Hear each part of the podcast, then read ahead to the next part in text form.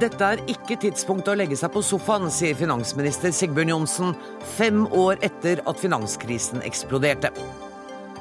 Ambassadøren har blandet seg i interne anliggender, sa Hviterussland, og utviste svenske diplomater.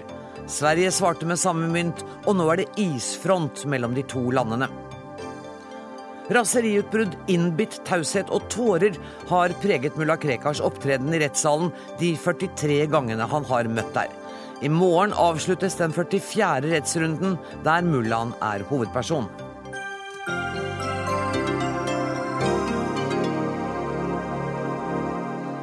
Dette er noen av sakene i Dagsnytt 18, hvor vi også skal møte teatersjef Hanne Tømta, som i dag avslører hva teatergjengere har i vente av Nationaltheatret denne høsten. Men først i dette aktualitetsmagasinet skal vi fem år tilbake i tid. 9. august 2007 kom det første varselet om at finanskrisen var i emning, og i løpet av kort tid eksploderte det. Så skal vi høre at milliardene fortsetter å forsvinne fra Oslo Børs. Rett etter børsåpning i dag tidlig falt hovedindeksen. Right now, breaking news here. Stocks all around the world are tanking because of the crisis British bank shares have endured a disastrous morning, their values dive bombing. A reaction to the news Etter at Dow Jones-indeksen i USA hadde falt med 3 i går kveld, og fallet var nesten like stort på børsene i Her hørte vi altså hvordan eh, amerikanske og britiske medier forklarte om eh, krisen. Det var den franske storbanken BNP Paribas i Paris som sendte ut en kort pressemelding om at investeringene i amerikanske boliglån var blitt umulige å verdsette for nøyaktig fem år siden. Og som karakteriseres nå som starten på finanskrisen. Kunnskapsminister Kristin Halvorsen, i 2007 var du finansminister. Hvor fort skjønte du at dette ville få en verdensomspennende effekt?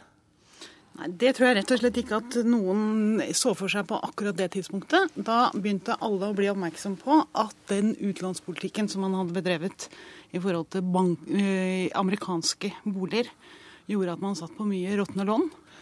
Eh, og det begynte å spre seg. Men i Norge på den tida mm, så var jo mer årvåkenheten over at her er det noe som er eh, på gang.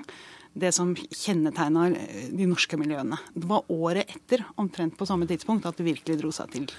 Ja, nettopp. Det gikk nesten et år før Norge virkelig ble Kjente du noen gang på panikken, da? Ikke på det tidspunktet, men i, Nei, men det året etter. år, i 2008 8. var det veldig dramatisk. Eh, og kanskje mer dramatisk enn en, en mange eh, skjønte. Altså, vi ble varsla i Finansdepartementet sommeren 2008 av den eh, amerikanske finansministeren. Statssekretæren hans ringte til finansråden som var på Moldejazz.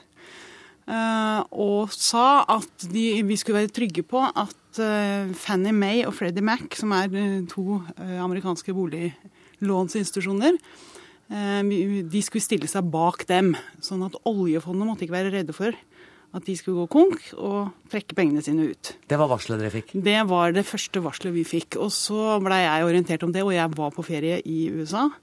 Og så dagen etter ringte amerikanske myndigheter opp igjen og sa at de måtte snakke med meg direkte. Så jeg fikk en telefon på ferie da. Da tenkte jeg da hadde jeg et par-tre dager igjen av ferien. Nå er det bare om å gjøre å feriere døgnet rundt, for dette kommer ikke til å vare lenge. Og så dro vi hjem, og så satte vi i gang med å skaffe oss full oversikt og bygge opp beredskapen. Var situasjonen da verre enn du hadde forestilt deg? Det som var veldig spesielt, det var at en krise på denne måten hadde ikke verden håndtert før. Og vi visste ikke hvor alvorlig den ble, og det var når Lehman Brothers gikk over ende at det virkelig tok av. Og vi jobba jo parallelt med statsbudsjettet for 2009, samtidig som vi begynte å se at bankene kunne gå tørre, altså at eh, næringsliv og andre kunne komme i en situasjon hvor det ikke var mulighet til å få lån. Og da begynner vi å snakke om arbeidsplasser og, og konkurser og betydelige vanskeligheter. Så det var en veldig spesiell høst. Og så var det jo også den høsten hvor eh, britiske banker opplevde et sånn rønn, dvs. Si at folk sto i kø for å ta ut eh, pengene sine. Eh, panikken spredte seg, kanskje også styrket av at den daværende europeiske sentralbanksjefen hadde spytta 200 milliarder inn, og det bidro kanskje ikke til å gjøre situasjonen bedre.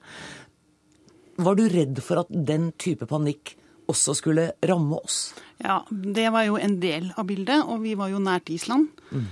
og hadde, så jo hva de hadde tatt av sjanser. De trodde jo at de skulle bli liksom, finansbaroner på et tidspunkt.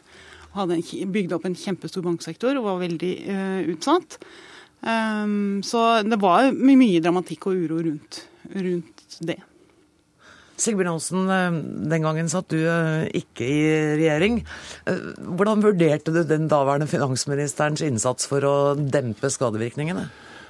Nei, akkurat da så satt jeg nok på fylkesmannskontoret på Hamar. Men jeg hadde jo opplevd det veldig tett på kroppen noen år tidligere. Altså, jeg kommer godt til og jeg var en 17. august 1991. Da var jeg på valgkampåpning i Oppland Arbeiderparti på Ringbu. Jeg hadde gjort unna dagens plikter og var med som så fram til kameratslig samvær da jeg fikk beskjed fra ei dame på kjøkkenet at det var telefon til meg. og Da eh, gikk jeg på kjøkkenet og tok den telefonen, og der var Arne Øyen og sa at kassa er ferdig.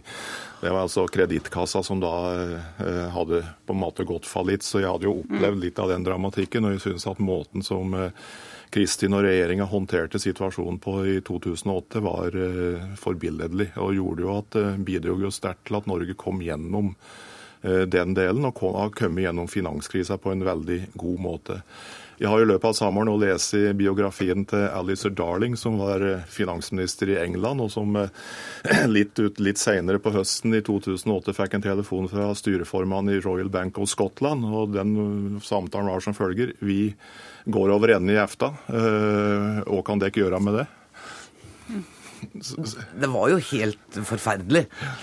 Men altså den, vi, I forrige uke så diskuterte vi den finanskrisa som jo fortsatt varer, og som, som rammer Europa.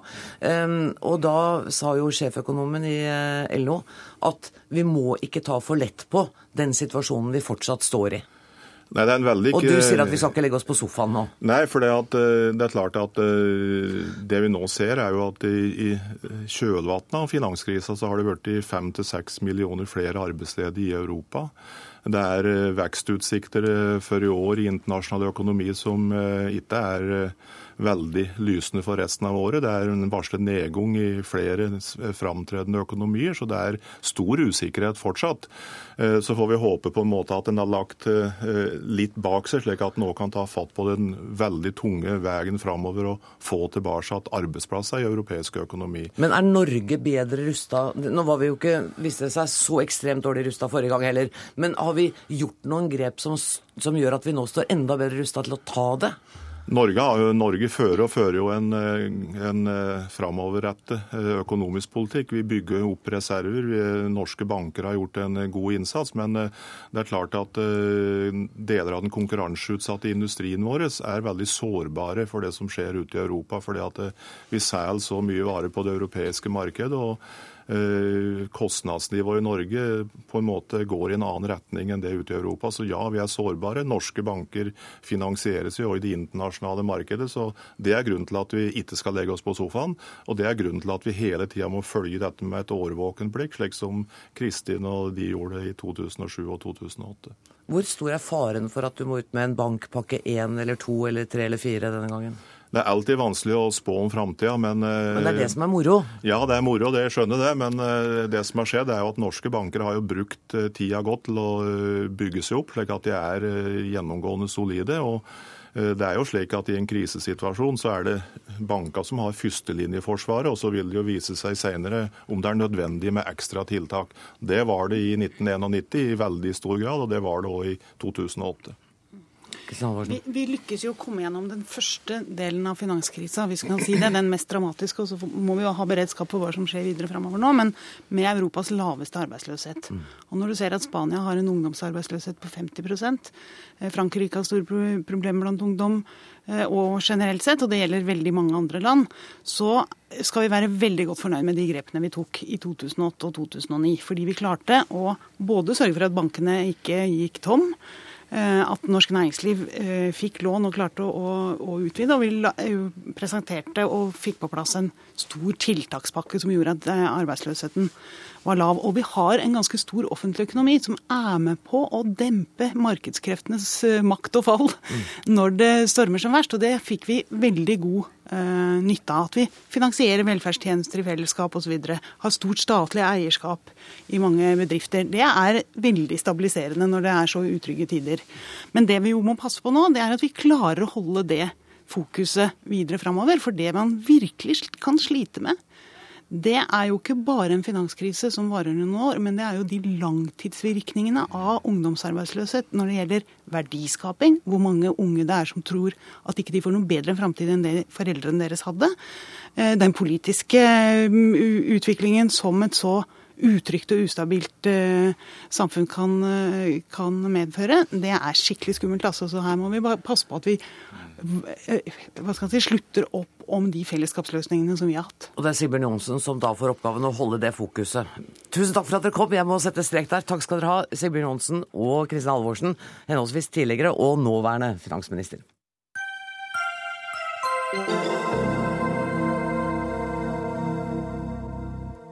Teddybjørner med budskap om demokrati dalte nedover den hviterussiske hovedstaden Minsk den 4. juli.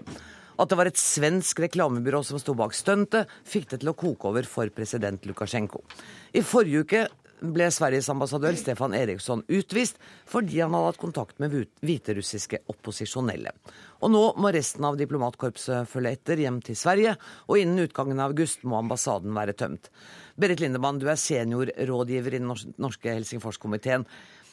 Hva forteller denne historien oss om Hviterussland?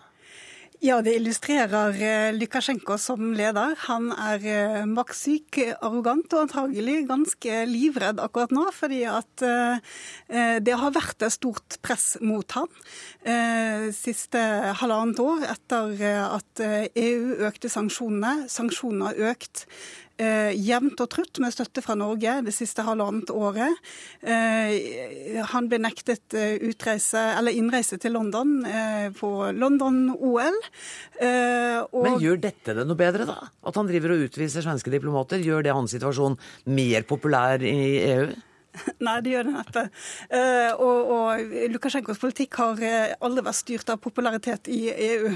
Uh, det har vært styrt av hans vilje til å holde på makten, og det han, prøver han å gjøre med alle midler. Og Samtidig så har han jo en overraskende høy popularitet hjemme. Ja, den har jo sunket også. Han har jo hatt en, en stor eh, samfunnskontrakt eh, helt siden han overtok med å holde pensjoner på et rimelig høyt nivå. Eh, statsansatte, som er det store flertallet av borgerne som har hatt et rimelig bra levestandard, og samfunns- eller sosial støtte. Det raser nå pga. den økonomiske krisen i Hviterussland, og levestanden er på bratt fall. Og det har også ført til at støtten til Lukasjenko i bredt fall. Men den er, jo, den er jo ikke under 20% ennå, så det er, jo, det er, nesten overraskende at han holder det såpass. Ja, men den er ned fra 60 eh, for noen år siden, så, så, det er ganske dramatisk. Hvordan er han sånn som taler og politiker? Er han en karismatisk figur? Uh, nei, uh, altså for, for, oss er det helt ubegripelig, egentlig. Altså uh, At noen i det hele tatt kan stemme på ham. For i en norsk kontekst så vil det være helt utenkelig. En, en, type som han. Fordi at han Vi ser han bare som komisk, og han virker egentlig litt smågal. Så jeg tror det, det viktigste har nok vært denne sosiale kontrakten med økonomien, som han har hatt rimelig bra kontroll over. Og så har hviterussere sett til land hvor det har vært verre verre. Og tenkte at ja ja, vi har iallfall det vi har. Eh, og, og, ikke sett vestover til Polen og litt over noe økonomisk utvikling hadde vært, vært bedre. Den uh, svenske utenriksministeren Carl Bildt har kalt ham for en bølle.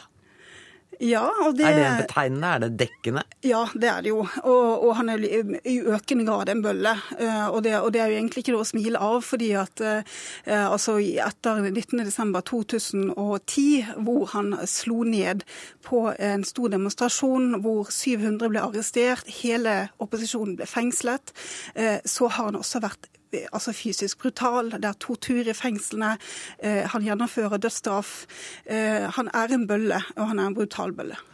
Dette svenske PR-stuntet med små teddybjørner som ble sluppet uh, over Hviterussland, med sånne små lapper hvor man kritiserte menneskerettighetssituasjonen, ytringsfrihetssituasjonen, og man også harselerte over det hviterussiske forsvaret. Var det, var det feil gjort? Burde man ikke ha gjort det?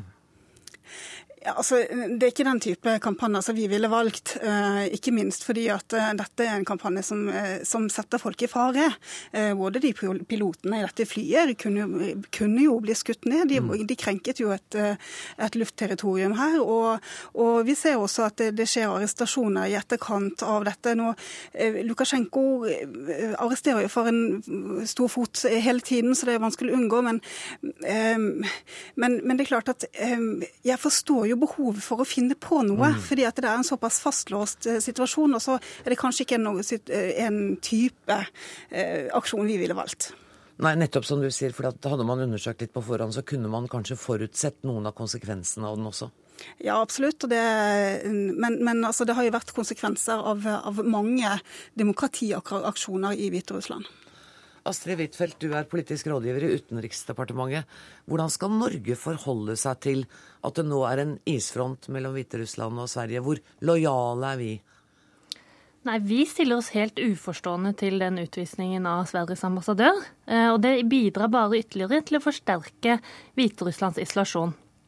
Og eh, stengingen av eh, ambassaden i Stockholm har jo påvirkning for oss, eh, altså for norske borgere, for det er den ambassaden norske borgere forholder seg til. Ja, For vi har ikke noen ambassade i Hviterussland. Nei, vi har ikke ambassade i Hviterussland, og Hviterussland har heller ingen ambassade til Norge. Så hvilke konsekvenser vil det få da? For nå har vi kanskje ikke så stor kontakt med Hviterussland, verken kommersielt eller turister eller jeg vet ikke. Nei, altså Det er for tidlig å si, og det er litt sånn uklart også hva dette altså Vil ambassaden stenges? Hva, hva har dette eh, å si? Eh, det er grunn til å komme, tro at det vil komme reaksjoner fra EU. Men det fører jo bare Hviterussland ut i mer isolasjon eh, fra Europa. Det er jo ikke ønskelig. Men fra norsk side så vil jo vi fortsatt jobbe eh, for å støtte opp under eh, demokratiske krefter i Hviterussland og støtte menneskerettighetsforkjempere der. Så eh, det vil ikke ha noe påvirkning for, for Norges engasjement. Eh, ambassadør Eriksson eh, er bl.a. blitt beskyldt av hviterussiske myndigheter for å ha hatt utilbørlig kontakt med opposisjonelle, altså for vennskapelig eh, kontakt. Eh, har ambassadør Eriksson gått for langt i eh, sin diplomatrolle her? Altså Det er helt normalt å ha kontakt med opposisjonelle, altså opposisjon, politisk opposisjon, i, eh, i, eh, i europeiske land når du er ambassadør. Eh, det har også ambassader i Norge, så det er helt normalt og det er helt ønskelig også å ha for en ambassadør å ha bredt kontakt med det sivile samfunn, også de eh, opposisjonelle i landet. Hvordan blir eh, Hviterussland isolert? For EU har jo snakket om et krisemøte nå, sånn at det er tydelig at EU ser svært alvorlig på denne situasjonen. Hvordan isolerer man Hviterussland? Nei, altså det er jo først og fremst Hviterussland som isolerer seg sjøl her, da. Eh, som, eh, som eh, kutter Eller altså, diplomatiske forbindelsene er ikke brutt. Det er veldig viktig å understreke. Verken med Norge eller Sverige. Det er diplomatiske forbindelser. Men det er ikke så lett å drive diplomati. Nei, hvordan man gjør man det, skal jeg til å spørre om, Ja, når du ikke har ambassader og Hvis man verken har ambassader. Men det er jo altså Andre europeiske land har jo ambassader i, i Minsk. EU-delegasjonen er representert. Så det er fullt mulig å fortsatt ha fokus på Hviterussland. Men det er jo helt klart et signal fra, eh, fra Lukasjenko. eh, Og det går mer mot en isolasjon bort fra Europa. Det er ikke ønskelig. Nei, for Astrid Lindemann, eh, det er vel fornuftig å holde kontakten og så ha dialog og prøve å påvirke? Ja, det er det. Carl Bildt har jo sagt det i etterkant, at det kan jo ikke ha noen ting å si for, for det viktigste arbeidet det er å arbeide med menneskerettigheter og demokratiet i Hviterussland. fordi at det går jo gjennom eh, arbeid som, som løper, og det er finansiert og det er organisert.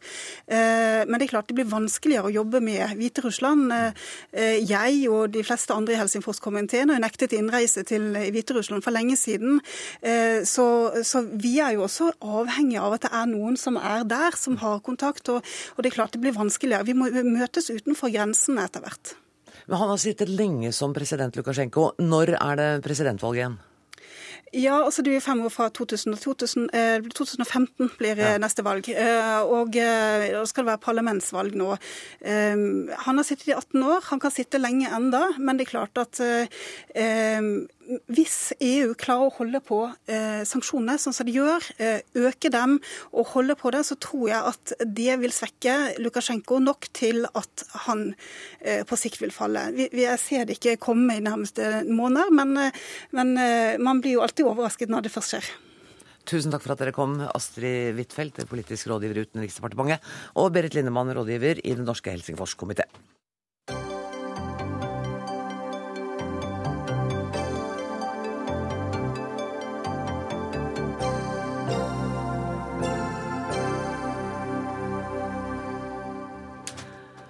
Regjeringen bruker milliarder på å verne tropiske regnskoger, men mangler penger til å verne gammel skog i Norge, er det naturvernere som hevder. Generalsekretær i WWF Nina Jensen, kan ikke du først begynne å forklare meg, hvorfor er det så viktig å verne denne gamle norske skogen? Det kan jeg med glede fortelle deg, fordi Norge har et vell av fantastisk eh, natur, eh, unike skogområder, eh, og det vi vet, er at over halvparten av de truede artene som vi har i Norge, de lever i disse skogene. Og Da snakker jeg ikke om eh, enorme granplantasjer, jeg snakker om gammel norsk naturskog.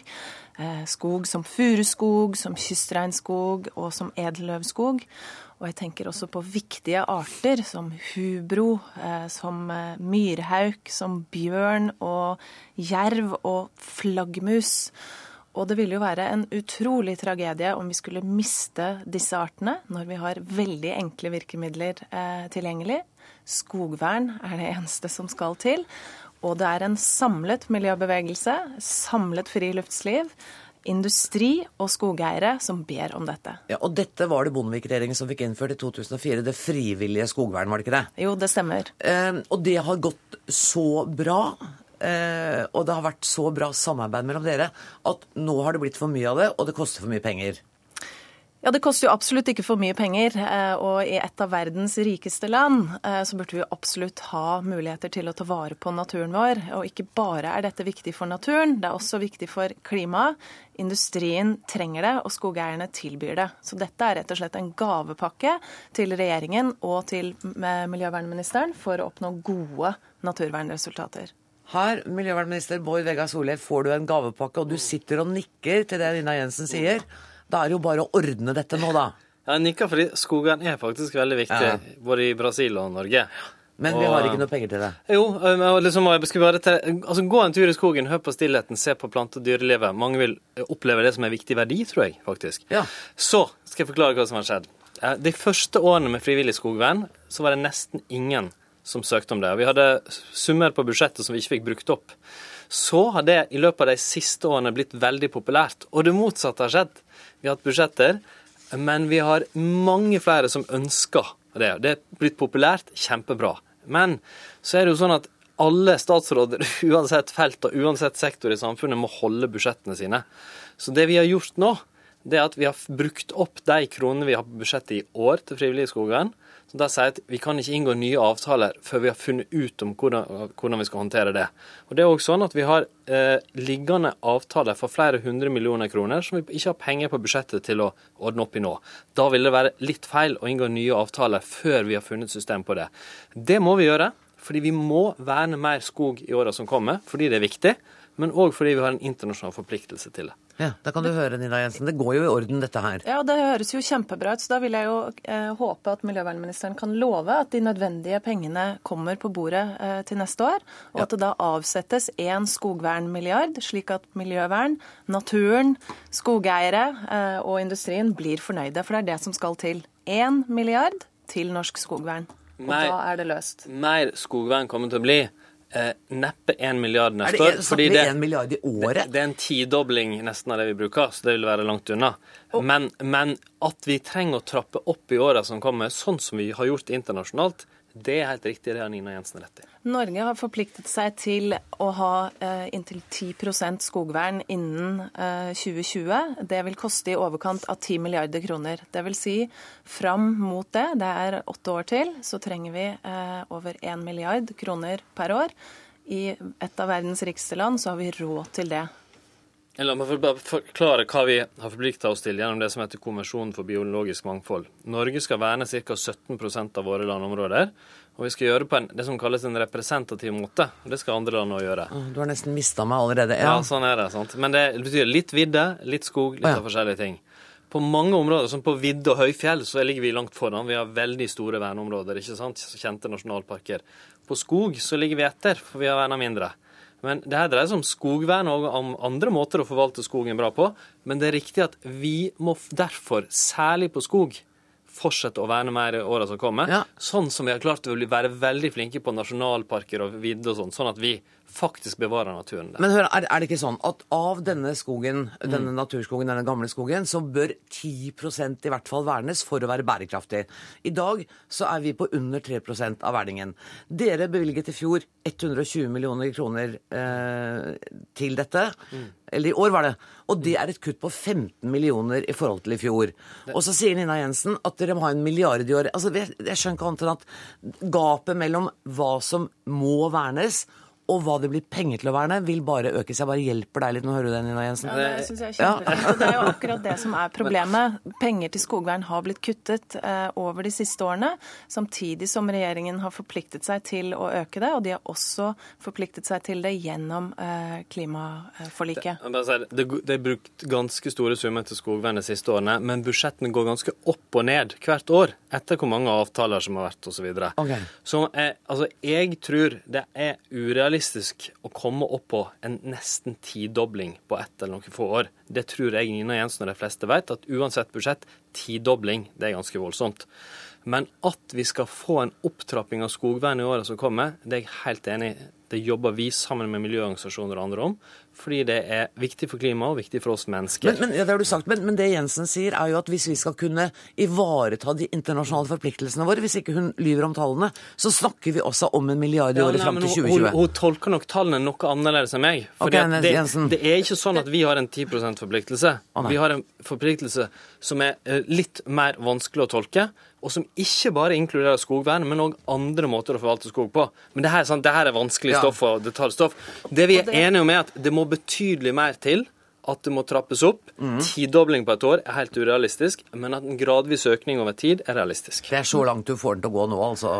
Det kan høres sånn ut, men det som i hvert fall er viktig, er at det blir en betydelig opptrapping, og at det legges en plan for hvordan dette skal gjøres. For det hjelper altså ikke si at ja, vi skal øke skogvernet, når vi ser at midlene til skogvern går ned. Pengene må altså gå opp, og man må få en konkret plan for hvilke områder det er som skal vernes, eh, og sørge for at de viktigste og mest verneverdige områdene tas først. For vi har altså ikke råd til å tape mer norsk natur, og på lang sikt vil det bli mer kostbart for oss enn om vi bevilger de nødvendige pengene nå. Det er ganske utrolig at vi i verdens rikeste land ikke klarer å ta vare på vår egen norske natur. Og nå har miljøvernministeren altså lovet deg at det blir en opptrapping av eh, skogvernet, og det er så langt vi kommer i denne runden. Jeg ønsker dere velkommen tilbake. Tusen takk for at dere kom, Nina Jensen fra WWF og Bård Vegar Solhjell, eh, som er miljøvernminister.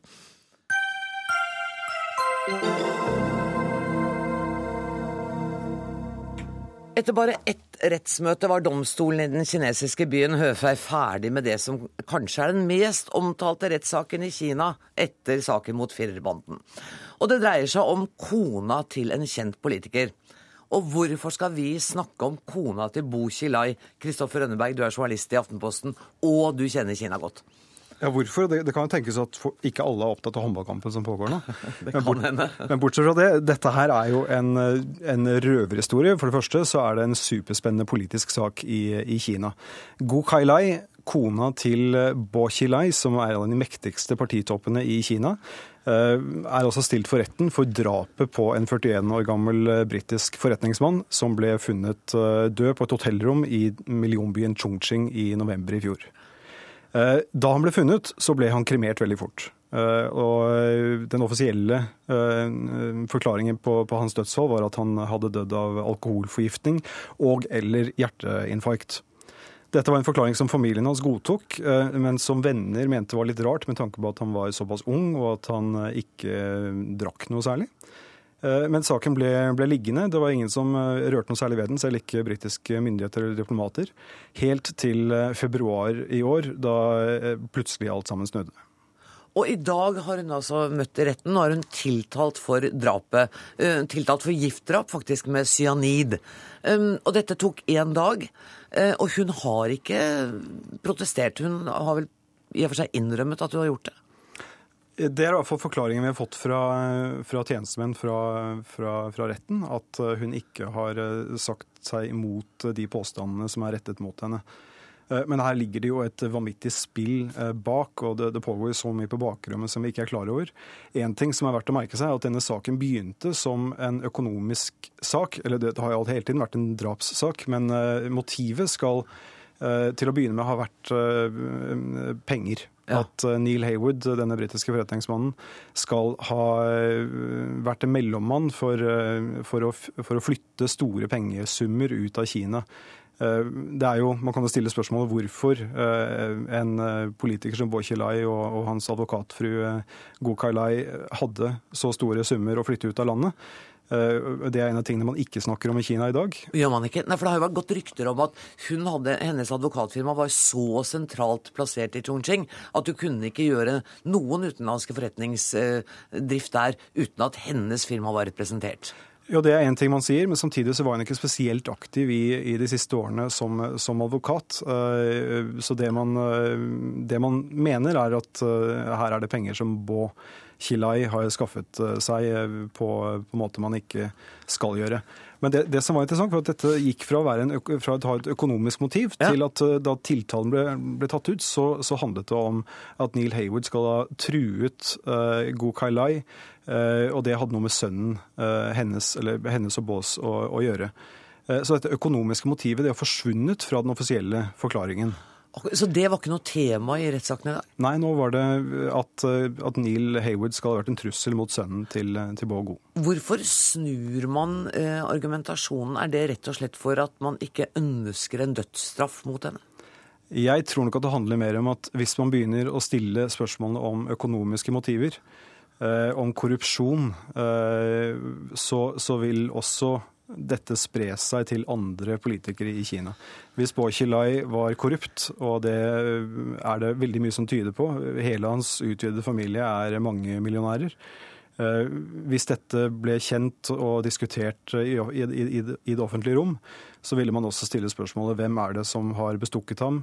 Hvem er det han har dealet med? Eh, hvilke andre politikere er det som har eh, store pengesummer som de helst ikke har lyst til å snakke høyt om? Og da rakner det kanskje i hele den politiske ledelsen. Men du, Bo Xilai, han er jo det nærmeste du kommer en kinesisk politisk rockestjerne. Han hadde jo, Det var jo nesten noe sånn amerikansk ved de valgkampene han førte. Veldig personfokusert. Han var en helt unik politiker i, i Kina. Eh, man kan si at eh, i, i, det kinesiske partisystemet så eh, Man har ikke ulike partier, men man har ulike fløyer i det ene partiet som, som eksisterer i kommunistpartiet. Man har fløyen til Jiang Zemin, den tidligere presidenten, og så har man fløyen til Hu Jintao, den, den nåværende og, og, snart avtroppende presidenten og partilederen.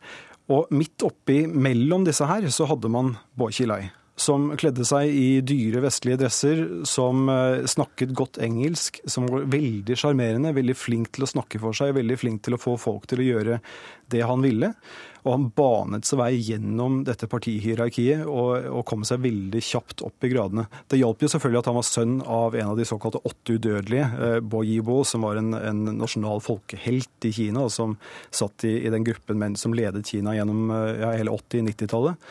Men det at Baa hadde disse, denne karismaen, eh, gjorde at han, han, skilte seg ut. Og det skremte nok vannet av både den ene og den andre toppolitikeren i, i Kina. Men du, Hva skjedde med Baa nå? nå er, kona hans har vært i retten i dag, hun er fengslet. Hvor er han? Baa har ingen sett siden mars. Da holdt han en pressekonferanse eh, hvor han virket tilsynelatende avslappet. Eh, noen dager senere så dukket han opp på siste dagen av, av Folkekongressen i, i, Beijing, det årlige møtet i, i nasjonalforsamlingen. Eh, da så han eh, skal vi si, oppgitt ut. Han, han stirret opp mot taket som han, eh, han ba en bønn, og så ganske sliten ut. Det er det siste bildet vi har av Boykilai. Etter det så er det ingen som, som har sett ham, eller, eller, som vet hvor han befinner seg. Vi vet heller ikke hva han eventuelt kommer til å bli, bli om han kommer til å bli tiltalt, eller om han kommer til å bli behandlet i, i det interne partidisiplinsystemet. Men at han er ute av politikken for nå, det, det er ganske sikkert. Han, han, ble altså fjernet som partileder i Chongqing, hvor han hadde uh, fått til veldig mye. Han hadde slåss, slått hardt ned på, på, korrupsjon, på mafia. Han hadde samlet befolkningen til gamle maoistiske slagord. Han hadde store massemønstringer. Altså, han var virkelig en, en, en, politiker som uh, visste det å bruke folket mm. på, på en måte som ingen har gjort siden Mao. Og nå er han en fallen politiker, og kona hans står altså tiltalt for eh, drap. Jeg regner med at jeg kan invitere deg tilbake for å snakke om den videre utviklingen i denne saken. Tusen takk for at du kom, Kristoffer Rønneberg, eh, journalist i Aftenposten. Hør Dagsnytt 18 når du vil, på nettradio eller som podkast. nrk.no – dagsnytt 18.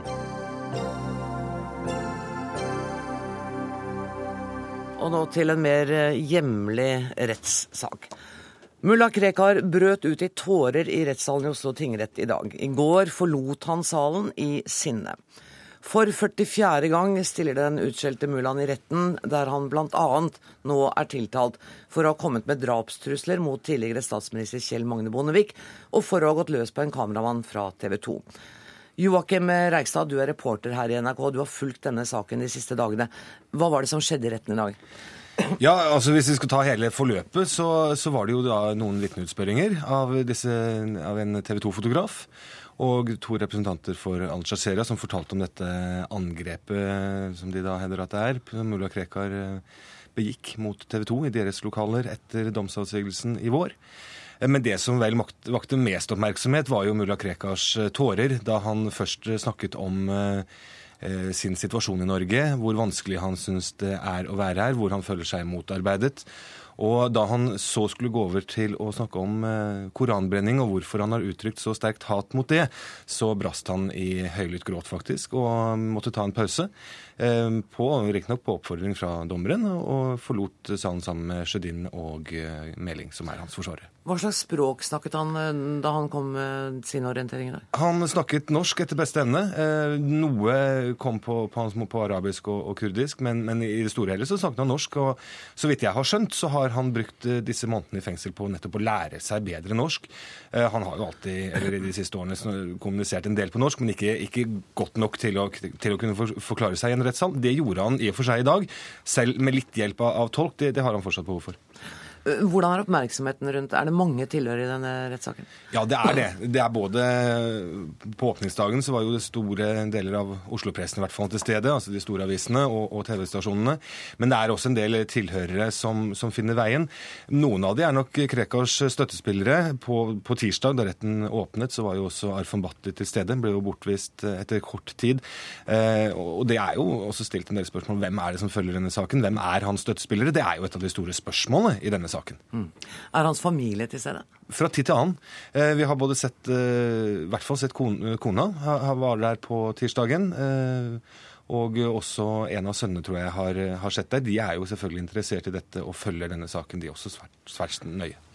Tusen takk til deg, Joakim Reigstad, reporter her i NRK. Du følger altså rettssaken. Brynja Lia, du er forsker ved Forsvarets forskningsinstitutt, og det var under ditt vitnemål i går at Krekar ble rasende og ønsket å forlate rettssalen. Hva var det du sa som fikk Krekar til å reagere? Ja, Det er jo også for meg et uh, mysterium. Uh, det er mulig forsvarsadvokatene vet uh, mer om det enn meg. Jeg, han forlot rettssalen da jeg var ferdig med å forklare om islamisme, islamske begreper og jihadisme og Al Qaidas ideologi.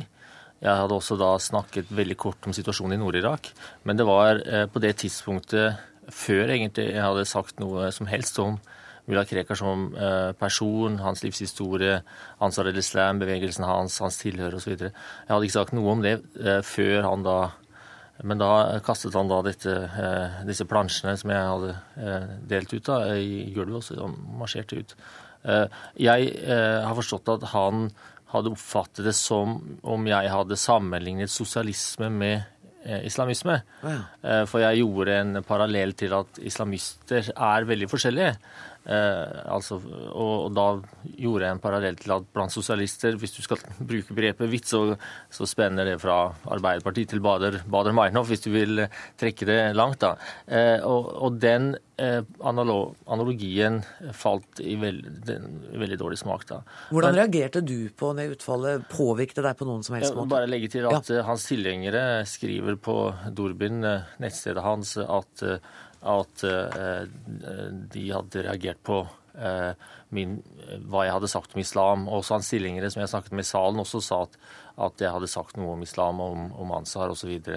Men veldig vagt hva det egentlig var. Så hva, hva det, dette dreide seg om, det, det, er for meg et mysterium. Eh, foredraget er omtrent identisk med det jeg holdt i vår. Og da fikk jo vi ikke den eh, reaksjonen. Da, da, da han jo, eh, kom han jo med flere eh, altså kommentarer til foredraget etterpå, men uten, uten at dette var noe eh, dramatikk rundt det. da.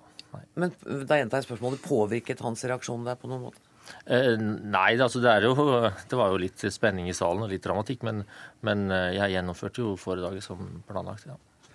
Kan du si litt om den organisasjonen som Krekar nå er i ferd med å bygge opp? Hva vet du om den? Nei, Vi vet jo ikke så veldig mye om den, uh, utover det Krekar selv har, har sagt. da. Han, og hva har han sagt? Nei, Han, han kaller denne gruppe for råd, da, eller bevegelse, betyr ordet, eller gruppe. Uh, og han beskriver den som et, en gruppe som, som, er på en måte litt to, todelt. da. I, I, Europa skal denne gruppen være et støttenettverk.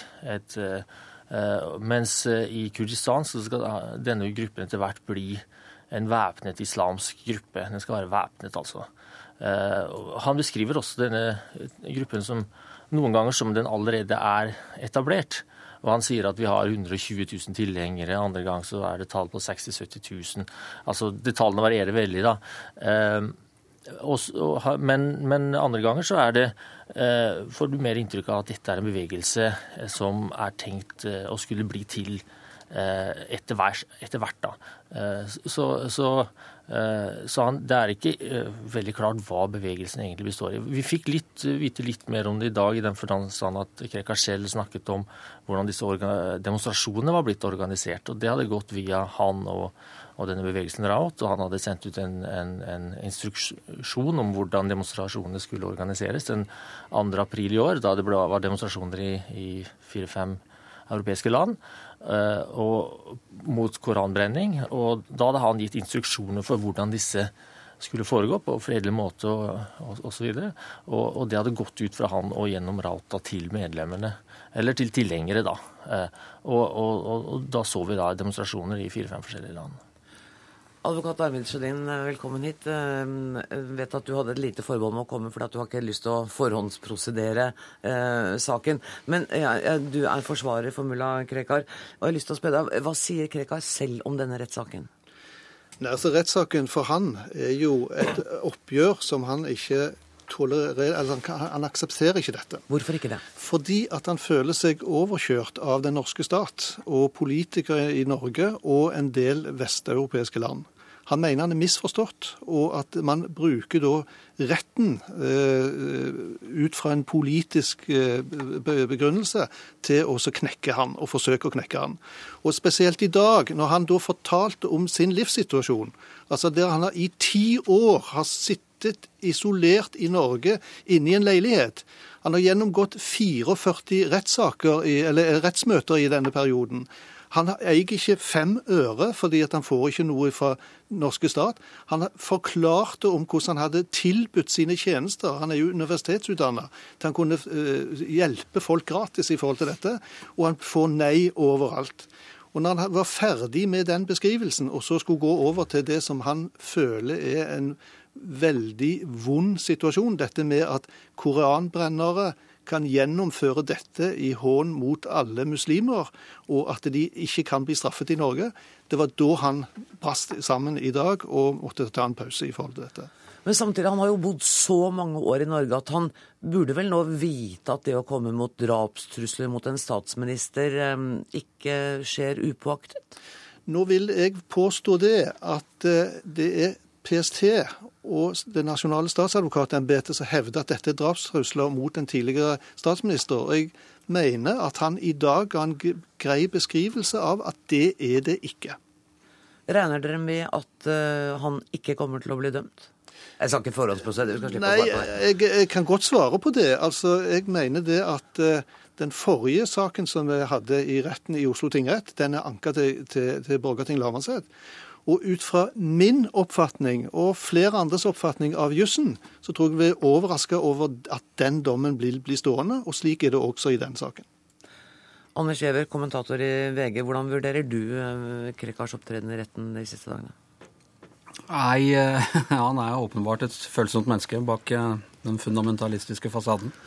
Han var jo klart sint og autoritær i går under dette Brunei Lia. Han ropte et eller annet til denne gruppen av delvis familie og, og tilhengere som satt der, som de hevdet jeg spurte om at han hadde sagt, ropt 'ha en god dag', men det, var, det, hørtes ikke sånn ut. Det hørtes ut som han ropte 'kom dere ut dere også'. Eller, og det gjorde de? Dere og da var de ute uh, så der. Så da en veldig sånn patriarkalsk, autoritær stil, men i dag altså en følsom, uh, gråtende, nærmest sentimental stil. og det er vel noe med det at, at nei, sentimentaliteten er brutalitetens søster.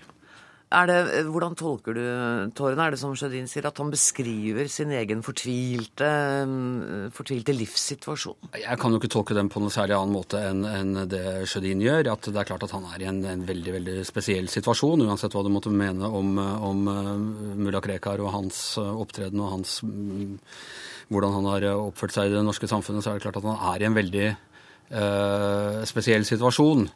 Uh, og hvis han da er et følsomt menneske, så, så kan det jo ofte være vanskelig å beskrive sin egen, eh, egen situasjon der uten å, å, få en sånn selvmedlidende reaksjon. Er det noen forskjell på Krekars opptreden nå i forhold til tidligere?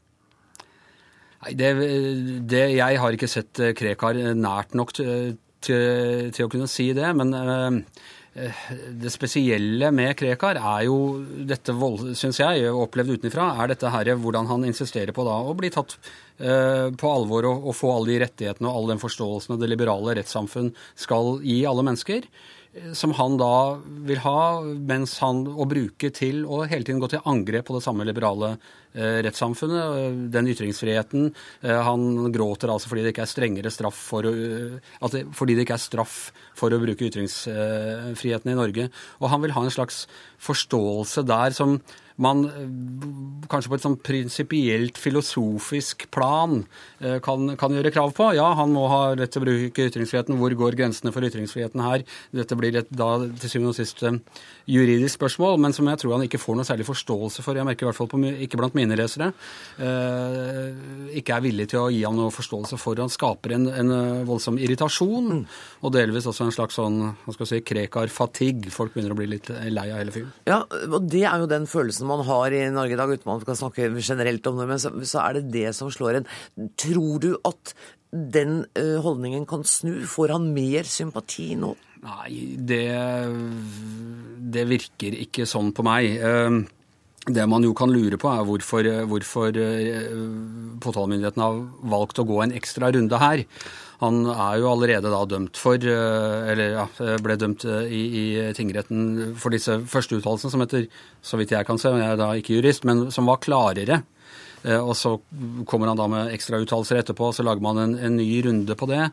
Og bruker altså enda mer ressurser på en måte på mulla Krekar. Jeg jeg tror ikke det gagner han, men det er ikke sikkert at det, det gagner forståelsen for hvordan, hvordan, det norske samfunnet behandler ham heller. Jeg tror folk blir lei. Sjødin, det er vel en problemstilling som dere også er opptatt av, dette med at det er en tretthet og man er lei av Krekar-saken? Jo da, og det skyldes jo at det er gitt et ensidig bilde utad i, i presse. Og... Men dere har jo muligheten til å nyansere det? Jo, har vi det så veldig mye? Fordi at det, Der kommer vel inn på det som Krekar sier. Han har møtt 43 ganger i, i, i rettsmøter. Han er ennå ikke blitt hørt. og Det er derfor han sier nå at 'jeg vil ikke svare på spørsmål'. Men på en annen side så brukte han jo en halv time å forklare for hvorfor han ikke ville svare på spørsmål. Ja, så han har jo sånn. snakket. Ja, han har det. Ja, så Men, det er, du er enig at det er noen dilemmaer her? Det er noen... Selvfølgelig er det dilemmaer, og selvfølgelig er det vanskelig. Og det som er spesielt vanskelig, tror jeg, når det gjelder Krekar, det er det at eh, man har en person som kommer fra en annen kultur, og som er en autoritær person, og som er en veldig viktig person i den kulturen han kommer fra, og som er universitetsutdanna fra et annet miljø, men i Norge kan man ikke akseptere det. Men burde ikke han også ha lært seg litt om norsk kultur? Det var jeg vel inne på et spørsmål tidligere også. Han, han kom ikke til Norge i går. Nei, men han har sittet inne på et rom i de ti årene, og han har ikke hatt noen mulighet til å gå ut i forhold til det, både pga. drapstrusler og pga. den måten som systemet er bygd opp på. Men han har vært der i 20 år, så han hadde litt hatt noen år det. før det. også. Ja. Jo da, men det, da snakker vi om tidspunkter i, på 90-tallet, hvor han da òg drev politisk virksomhet i Kurdistan. Når er det ventet at dom skal falle i denne saken? Det får vi først greie på i morgen. Jeg regner ikke med det tar så veldig lang tid før han kommer, men vi får se. Tusen takk for at dere kom. Arvid Sjødin, advokat. Brynja Lie, ekspert i politisk islam fra Forsvarets forskningsinstitutt. Anders Giæver, kommentator i, dag, i VG, ikke Dagbladet, i VG.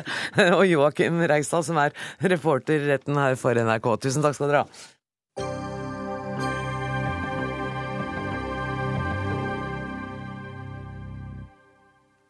Litt eh, kjappe temaskifter inn av døra nå kommer eh, teater... Om et lite øyeblikk håper jeg kommer teatersjef Hanne Tømte. Der, ja. Eh, folk og røvere i Kardemommeby. Villanden, Per Gynt, én folkefiende. En Folkefiende i Oslo. Ja, ærlig talt, Hanne det. Ved første øyekast så kan det se ut som en vel tradisjonell spilleliste på Nationaltheatret denne høsten. Men som alltid så er det farlig å trekke forhastede konklusjoner. For her er det neimen ikke snakk om oppsetninger sånn som vi har sett dem før. Hjertelig velkommen. Hva er det som skjer på teatret ditt denne høsten, Hanne Tømta? Nei, det skjer vel det som vi prøver på. Det er jo til å få denne, som vi kaller denne gamle tanta nede på Dybvadsplass til å evne å vrikke litt på hoftene. Og da er det jo nettopp et nasjonalteaters privilegium å kunne gå inn i kanskje da kjente og tradisjonelle stykker og unne seg å prøve å se dem med friske øyne.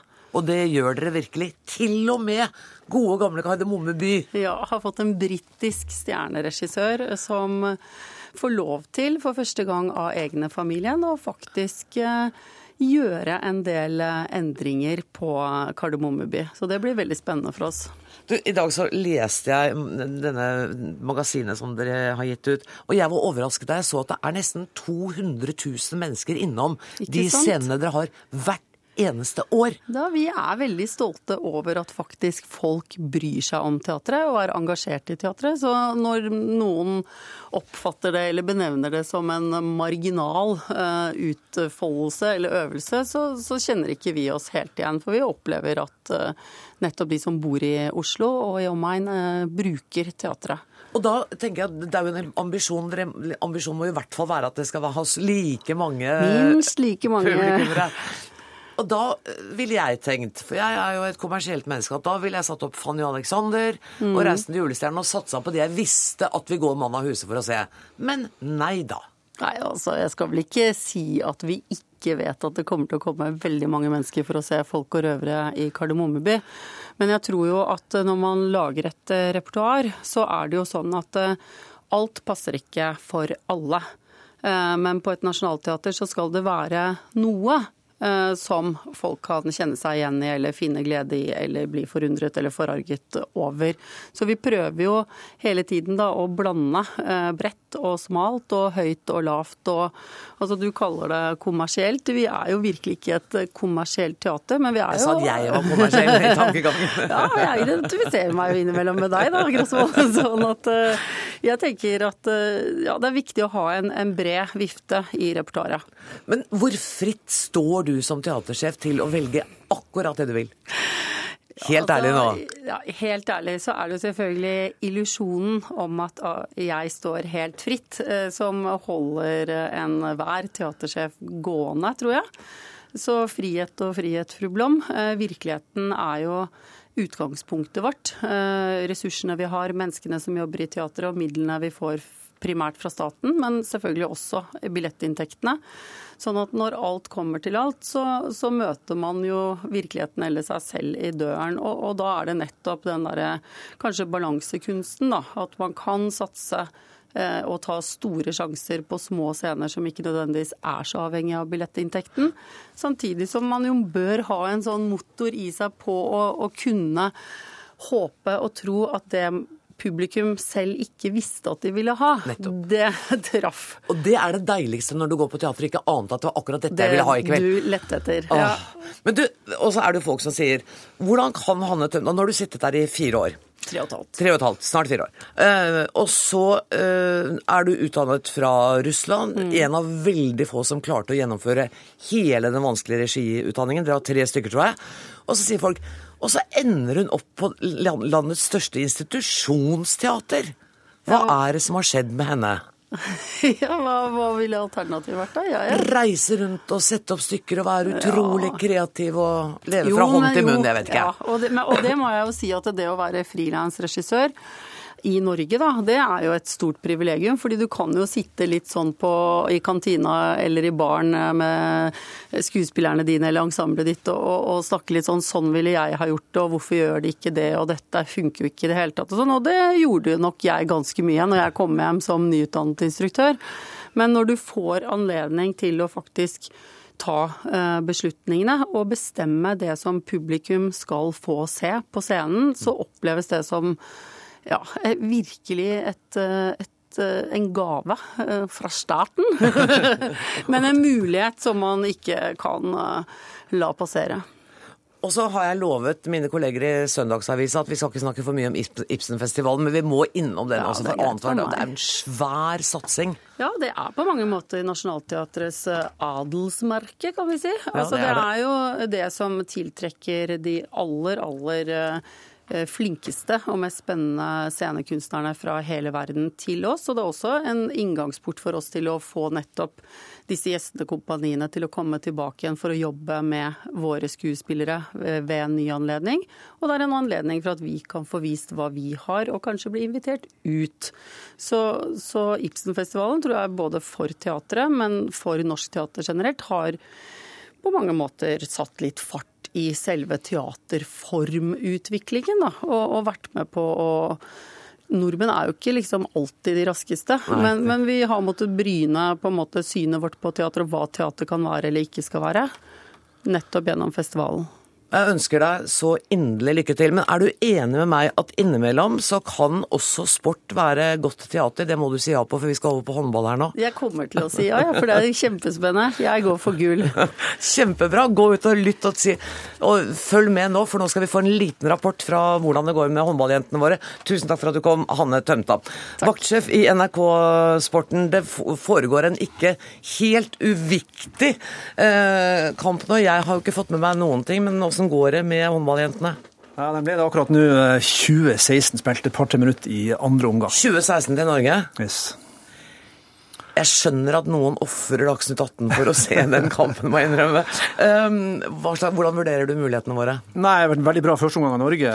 Åpna eh, jevnt i starten, men så leda vi faktisk 13-7 midtveis i eh, første omgang. Så kom Sør-Korea litt tilbake. Men det som er artig å se, er at eh, Heidi Løke har spilt bra. Kommet inn fra benken og skåret fire mål. Og Lunde-søstrene, keeperen som har kommet inn og stått veldig bra. Og, og, og, og tvillingsøstera som har skåret nå eh, fem mål, er toppskårer for Norge. Har dere hørt Torer snakke, eller har han ikke sagt noe ennå? Jo, han ga en klar beskjed i en timeout. Nå måtte vi eh, være mye tøffere i forsvar, gå ut på de sørkoreanske skytterne. For eh, de fleste av de sørkoreanske målene har kommet på distanseskudd. Ja, nettopp. Og vi har hatt problemer med forsvaret vårt. Ja, det har vært eh, litt sånn ujevnt, men eh, annet i forhold til det at Toril mener at vi må ut på skytterne. Men ellers har det vært eh, en bra kamp så langt av det norske laget. Hvor uforutsigbar er sørkoreanerne? For det var jo det som skjedde gjennom forrige kampen, at det veksla så veldig, og så var det vanskelig å si hvor de kom hen. Ja, altså Sør-Korea vet jo aldri. Vi husker jo semifinalen for fire år siden i Beijing, der vi leda med tre. Det var vel bare ett og et halvt minutt igjen. Og, hvor, og de faktisk klarte å utligne.